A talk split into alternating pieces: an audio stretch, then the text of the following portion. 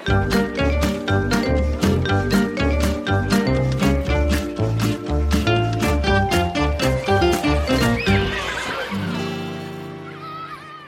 og ungdoms engasjement for miljø- og klimaendringer har aldri vært større, og bærekraftig utvikling skal få en sterkere plass i hele skolen. Framtidsutsiktene er et dystert bakteppe, og hvordan unngå å skremme barn og ungdom for mye, og heller ikke skyve ansvaret for framtida over på dem. Velkommen til Lærerrommet, podkasten fra Utdanningsforbundet. Navnet mitt er Vigdis Alver. Og navnet mitt er Marianne Olsen Brøndtveit. Ja, Generasjon grønn krever mer innsats, spesielt fra politikerne. Og hvordan er det egentlig best å bidra til å styrke kunnskapen på skolen, i barnehagen og hjemme? Ja, det skal vi snakke om her. Tre gjester skal få bli med inn i denne samtalen. Det er eh, lærer og koordinator for grønn innovasjon ved Ski videregående skole, Line Anfinsen. Hei, veldig hyggelig å være her. Og vi har med deg, Ole Mattismoen, miljøjournalist i Aftenposten og forfatter av boka Grønne greier, som særlig er retta mot barn. Hallo, hallo. Og vår tredje gjest er elev og miljøansvarlig i elevrådet ved Oslo katedralskole. Velkommen, Selma Flo Munch. Hei. Ja, Selma, vi, vi, begynner med deg, for du representerer jo den oppvoksende generasjonen her. Og du har engasjert deg, i likhet med veldig mange andre ungdommer, horder av ungdommer faktisk, i klimasaken. Hvorfor har du gjort det? Ja, for min generasjon så handler jo det engasjementet for klima om å ta vare på fremtiden som vi skal arve. Altså, det handler jo om min fremtid her på kloden, eh, og det handler om at jeg ikke ser nok politisk vilje for min fremtid, eh, som det er grunnen til at jeg blant annet har valgt å delta på den første eh, nasjonale streiken for klima. Men du har gått på skolen lenge, og før det har du kanskje gått i, i, barnehagen. Og hvis du skal liksom tenke på dette med klimaspørsmål, hva er det viktigste du har lært i din egen skoletid? Og hva er det du gjerne ville ha lært som du ikke har lært? Jeg tenker jo at det viktigste jeg har lært, er at klimaendring er menneskeskapt. Det finnes dessverre veldig mange der ute som ikke mener at det er menneskeskapt, eh, så jeg tenker jo at det må ligge til grunn som noe man tar med seg ut av norsk skole, som jeg er veldig glad for at jeg har lært. Og så eh, lærer man jo om ja, eh, ulike måter å påvirke, som jeg også da gjennom ulike organisasjoner og sånt har tatt i bruk. Men noe jeg veldig gjerne skulle ønske at det var mer fokus på, da, det var eh, at vi gikk litt mer bort fra å lære om plast og kan, og kildesortering og hva man kan gjøre som enkeltindivid, eh, og lære litt mer om hvor liksom, skoen trykker ordentlig, hvilke, eh, hvilke store strukturer der ute som, eh, som, jeg kan gjøre noe med.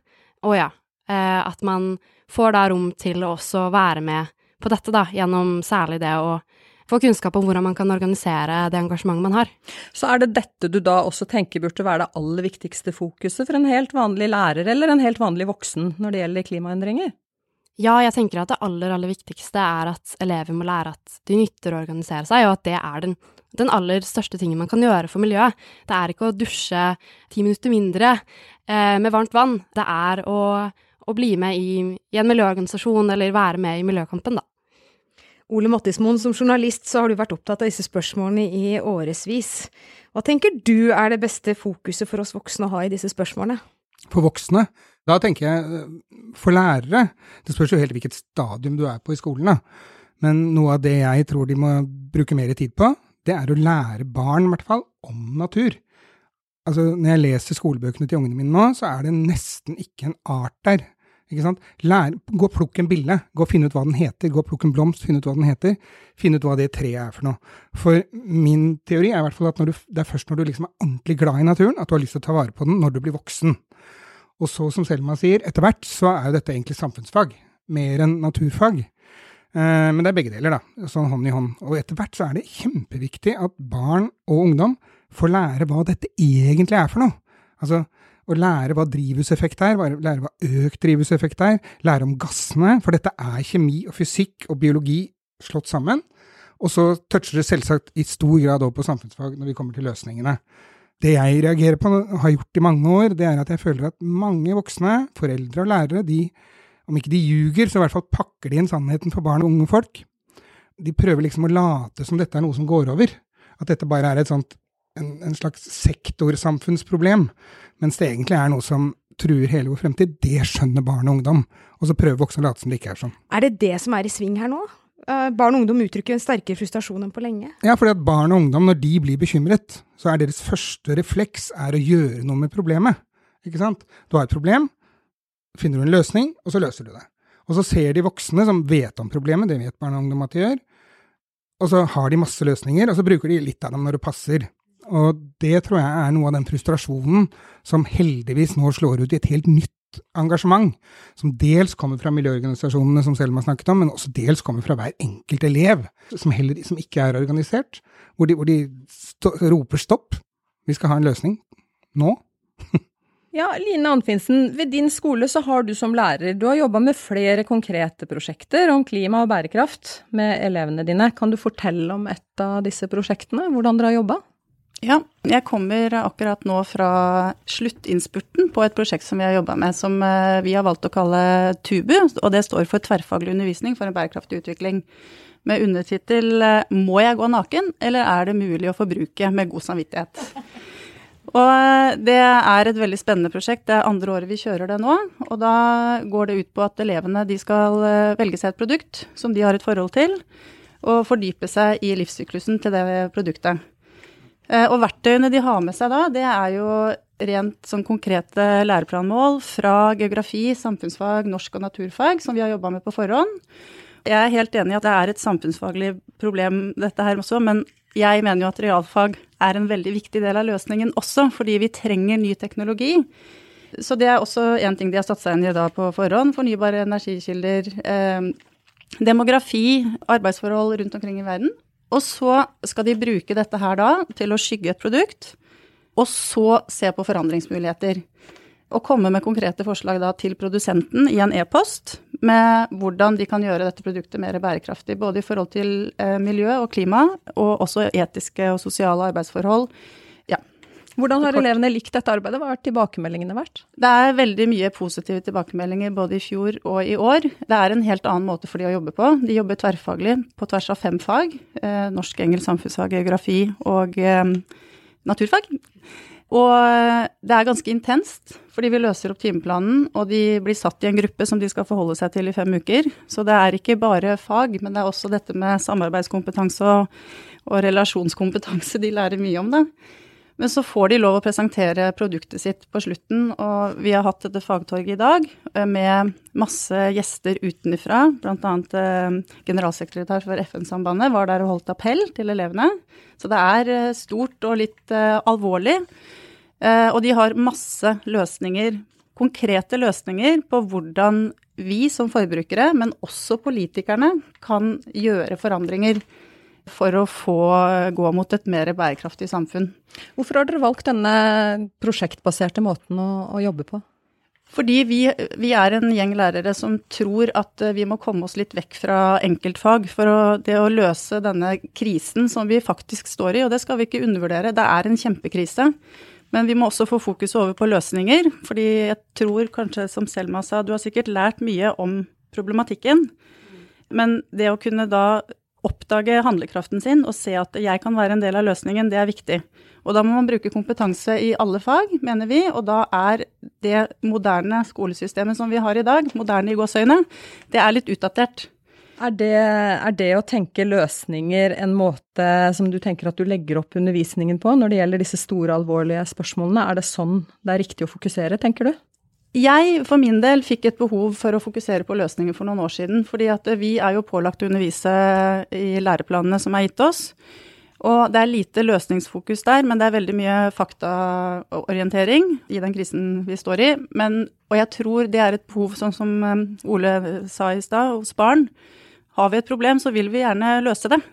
Vi vil ikke bare fordype oss mer i det, men finne løsninger. Mm. Så jeg opplever at elevene syns det er veldig positivt. Og vi har fokus på løsninger i undervisningen generelt. Vi har f.eks. noe som heter Ukas positive nyhet, hvor elevene får presentere eh, nyheter fra verden. Positive nyheter innenfor miljø og også sosiale og etiske forhold. Hva er det som skjer som er bra? For å bli inspirert til å hive seg på og være med. Mattismoen, hva tenker du om det å klare å undervise om klima uten å skremme elevene? altså, hele problemstillingen er kjempeskremmende. Ikke sant? Men når vi f.eks. lager den tegneserien Grønne greier, så, av, så tar vi opp kjempealvorlige temaer. Men så den er jo beregnet på barn sånn fra 8 til 10-12, 13, så avslutter vi hver gang med et sånn ja, det går an å gjøre noe, ikke sant? Det er viktig å beholde den troen, det er ikke et håp, men en tro, for løsningene er der. De ligger på rekke og rad, det er bare snakk om å finne dem, og ville ta dem i bruk. Eh, men hele klimatrusselen og global oppvarming er kjempealvorlig, og det er skremmende. Og det er skremmende ting som skjer. Så det er det jeg mente med det jeg sa i sted, at man ikke skal liksom underdrive og pynte på og late som ikke det er så farlig. Og så tror jeg det er ganske viktig til det du nå sa, Line, at, at man forteller barna at den måten som de aller fleste familier og voksne lever i dag, sånn kan vi ikke fortsette å leve. Sånn at og, det, og, da kan, og, da tenker jeg det er veldig viktig å lære dem hva de kan gjøre. Det er ikke bare voksnes problem, ikke sant. Det går på forbruk. Eh, og de seriene vi får mest respons på, det er de som går på hva den enkelte kan bidra med.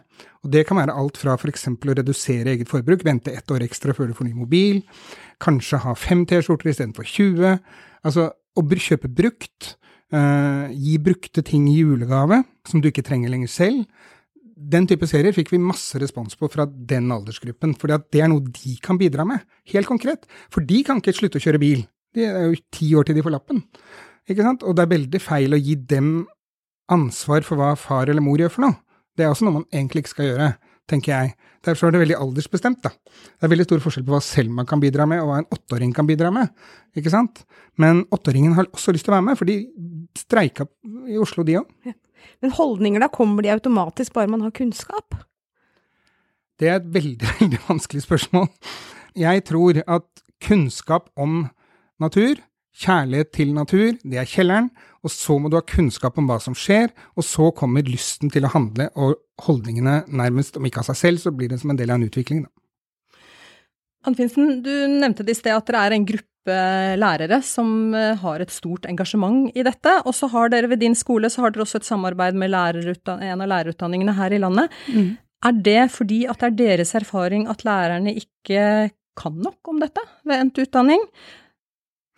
Jeg tror ikke det samarbeidet først og fremst kom pga. det, men eh, jeg tror de ville ha mer innsikt i hva som foregår i skolen, og bruker oss som referanseskole sånn, fordi, for, i forhold til sine lærerstudenter. Og vice versa. Vi får inspirasjon av de, og de inspirerer oss. Men jeg tror, eh, som Ole sa i stad, dette her med holdninger Vi samarbeider jo eh, med andre skoler også for å skape et større fellesskap, og for å tørre å ta litt modige valg. Fordi først så var det bare et par lærere som tenkte nok er nok. Du står og underviser i klasserommet og sier til elevene ikke spis kjøtt, eh, bruk kollektivt. Og så er det kjøtt hver dag i kantina, og lærerne drar på personaltur til Berlin. Det veldig det, du, det blir noe med integriteten som blir helt borte, og det er vanskelig å undervise på den måten. Og da vi, den gjengen som begynte, vi måtte kanskje gå litt i oss selv også, faktisk. Fordi at vi står og forteller Selma hva hun skal gjøre. Og så er det noe med å se litt på seg selv, og også se på skolen som organisasjon. Hva slags signaler er det vår skole sender ut for elevene? Vi sier en ting i klasserommet, viser vi det også utad, sånn at de kan bli inspirert av oss som skole? Og det er det samarbeidet går ut på. Det er rett og slett å prøve å holde hverandre oppe og tørre å, å være litt brutale, kanskje. Fordi det, det kan bli det. Ja, jeg vet at du, du, prøver jo å leve så bærekraftig som mulig sjøl eh, privat. Du spiser lite kjøtt, du kjører helst kollektivt, også når barna dine skal på trening. Og du flyr veldig lite, maks én gang i året, kanskje mindre. Og det syns du er viktig å ha i ryggen, sånn som du forteller om nå. Er det viktig at lærere og andre voksne går foran med et godt eksempel, eller er, er ikke det litt å gi folk dårlig samvittighet? Jeg får dårlig samvittighet av å ikke ta hensyn til miljøet, men jeg vet at ikke det er sånn for alle. Så vi kan ikke pålegge eh, lærerne det ansvaret. Men jeg tror vi skal gjøre de som lærerne oppmerksom på at de har en inspirasjonsrolle i, i, i skolehverdagen for elevene og det motsatte. Sånn at, eh, men jeg tenker at hvis skoleledelsen går fram som et godt eksempel, så uh, vil det kanskje gi litt ringvirkninger etter hvert, sånn at man får lyst til å hive seg på. Fordi det er, uh, det er et gøy fellesskap å være i, og det er, det er, fint å redde verden. Og det er livet mitt er veldig bra, faktisk, selv om ikke jeg flyr så mange ganger i året. Men en ting til om det. Syns du det er vanskelig å balansere det holdningsskapende og det faktabaserte? For eksempel, kan du drøfte fossil energi i klasserommet kritisk, og samtidig lære elevene dine at man skal behandle alle som jobber f.eks. i en bransjen, da, med mm. respekt? Ja. Det er kjempeviktig det dere eh, det, Akkurat det spørsmålet der. fordi at eh, for veldig mange i Norge så er jo livet deres basert på oljevirksomhet. Og det å si til en som jobber i oljen at nå skal vi kutte kranene i morgen, det vekker mye frykt. Og det er viktig å se på løsninger og alternativer, og, og ha fokus på at vi er nødt til å fase ut oljen. Det må vi. Jo før, jo bedre. Men vi må også gi folk et alternativ. Og da er det jo dette med entreprenørskap og innovasjon og gründervirksomhet og teknologi. Få elevene til å være med på å se løsninger, sånn at om ti år så er de kanskje de som finner ut eh, den nye superideen som Norge skal leve av framover. Det er viktig å ha respekt for de, absolutt. Ja. For Mattismoen, en del av dette bildet er jo at det sitter elever i klasserommet, eller i en barnehage som, hvor kanskje foreldrene da jobber i transportnæringa, eller i eh, storfeproduksjon, eller i lakseoppdrett. Og de kommer hjem med et budskap som de også får servert da i barnehagen eller på skolen. Hvordan kan holdninger balanseres i dette her? Jeg har holdt foredrag for barn i Stavanger, jeg, om grønne greier. Og det var flere som hadde fedre og mødre som jobbet i oljebransjen, og som rakk opp hånda og stilte spørsmål. Og det er ikke deres skyld. De jobber der. Og det jeg sa til flere av dem, er at kommer, de kommer til å jobbe der i mange, mange år. Eh, men gradvis må både de og dere finne på andre ting å gjøre. Og unge folk, når de nå skal ta utdannelse, vi trenger smartinger som er flinke, akkurat som vi trenger smartinger som er voksne og flinke. Og det er mange folk som har jobbet i oljeindustrien, som har gått over og, og jobbet med alt fra CO2-lagring under havbunnen til eh, vindturbiner Sånn at det er den teknologikompetansen som er i oljebransjen. Jeg tror at det langt på vei er den som kommer til å løse dette problemet for oss. Uh, men kanskje ikke alle som jobber der i dag, kommer til å være de som gjennomfører det. Kanskje blir Selmas generasjon, ikke bare kanskje, det er jeg faktisk helt sikker på, at det er hennes generasjon som er nødt til å rydde opp i dette. For min generasjon kommer ikke til å klare dette her. Vi kommer til å starte og komme et stykke på vei. Men det er veldig viktig at ingen føler at de har skyld, og det var det jeg sa i stad. Når du snakker med barn og unge, unge, folk, så er det viktig å ikke gi dem skylden, for det har de virkelig ikke, selv om de har en far eller en tante eller bare eksisterer i dagens samfunn. Så ja. Du er ikke bare klimajournalist og forfatter, men du er også en pappa. Eh, hva vil du helst at barna dine skal lære på skolen? Jeg vil at de skal lære masse om naturen, sånn at de kjenner den og de skjønner hva som skjer. Så vil jeg at de skal lære ordentlig, som jeg sa i stad, om klimaendringer. Hva er det for noe? Altså helt konkret. De må lære om atmosfære, de må lære om det ullteppet som ligger rundt kloden vår, som er helt fantastisk. For uten det ullteppet så hadde det vært like kaldt her som det er på månen, nemlig omtrent 18 minus året rundt. Det kaller vi drivhuseffekten. Ikke sant? Det vi gjør nå, er at vi fyller på, så det ikke bare er et lite, tynt ullteppe, men det blir en tjukkere og tjukkere dyne. Da blir det varmere og varmere. Da kan vi ikke være der. Bruke sånne algier, og så er det tror jeg, en kjempeidé overfor barna å trekke frem suksesshistoriene. Vise de tingene hvor det går an. ikke sant? Jeg lagde en, en serie f.eks. om to professorer i Porsgrunn som hadde funnet opp en måte for hvordan en grisebonde kunne bruke varmen fra grisemøkka til å varme opp grisefjøset. Da kunne han kappe over eh, ledningen til oljefyren som var nødvendig for at grisen skulle ha det bra. En sånn smart ting, ikke sant. Og de finnes det drøssevis av, bare i Norge. Masse. Så jeg tenker at en viktig ting for lærere, da, det er å finne de gode historiene. Gjerne fra lokalmiljøet rundt seg, for de skjer overalt. Alt fra flisbrenning til det ene med det andre og fortelle om det. Du nikker, Anfinsen. Forteller du om suksesshistorier i klasserommet? Ja, det var litt det som jeg nevnte mm. i stad, dette med ukas positive mm. nyheter. Men det er det elevene selv som finner fram og mm. presenterer mm. eh, for hverandre. Og vi har eh, fokus på løsninger hele tiden også. Når vi har om ernæring f.eks., mm. så kan vi jo se på ulike eh, løsninger i forhold til både jordbruk og, og kostholdsendringer og eh, helt konkrete eksempler på hva som er positivt og hva som allerede gjøres. Sånn at eh, jeg er helt enig i det. Man må vise til det som er bra. Og så tror jeg det vil generere mer. Og en, og en lyst og engasjement. Og et, dette kan jeg jo være med på. Selma, vi startet med deg. Nå skal du få lov til å avslutte. Hva tror du? Nå har du hørt to godt voksne snakke om hvordan de tenker og snakke og lære bort klimaspørsmål til din generasjon. Hva tenker du om de innspillene du har hørt? Nei, jeg ble veldig positivt overrasket, særlig over hva de gjør ute i Ski. Eh, det var egentlig helt fantastisk å høre at man har ukas gode nyhet. Det er, ja, det er litt sånn fremmed for meg. Jeg føler at det er, ja, det er mye, det er mye mm, ja, det er mye trist ute og går, men eh, jeg syns det også er veldig, støtter meg veldig til at det er viktig å fokusere på eh, løsningene. Eh, og jeg tenker også at det, ja, det engasjerer, og det gjør at man ikke bare lukker ørene når man hører om skumle klimaendringer. For det er jo ganske skummelt at det er en del som går ut av ja, norske skoler og ikke tror på klimaendringene. Og jeg tror at hvis man da også hadde hatt et mye mer positivt fokusert på løsningene, da, så er det enklere å få folk eh, med seg. Og det er, ja, hvis man bare ser på den ja, Hvis man ser på skolestreikene som skjer nå, så er det jo klart at, at mange er engasjerte, men jeg tror det hadde engasjert enda mer. Ja, for det engasjementet du trekker fram her, det blir jo også tolket som en svartmaling og ikke nettopp som en positiv endringsvilje. Nei, eh, Hva ja. tenker du om det? Jeg syns jo egentlig det er ganske rart at man, at man, ja, at man svartmaler det som skremselspropaganda, når det er unge eh, elever som er ute i gatene og, og, demonstrerer. De sitter ikke hjemme og depper over klimakrisa, de er ute fordi de vet at de kan gjøre en forandring. Så da syns jeg egentlig at det blir, ja, det blir rett og slett helt feil å mene at, at de er skremt ut for å, eh, for å, demonstrere, når de er der ute og ja, de, de sitter ikke hjemme og depper, de er ute og tror på fremtida, da.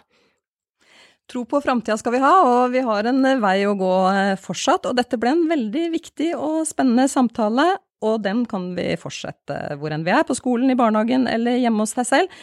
Tusen takk til dere, Line Anfinsen, Ole Mattismoen og Selma Flo Munch, for at dere var gjester her i lærerrommet. Og takk til deg, Marianne. Takk til deg også, Vigdis. Og dette sier vi takk til deg som lytta på oss. Og del gjerne lærerrommet med noen andre. Alle episodene finnes i din podkastkanal. Vi kommer raskt tilbake med nye episoder med andre tema og spennende gjester. Ha det bra. Ha det.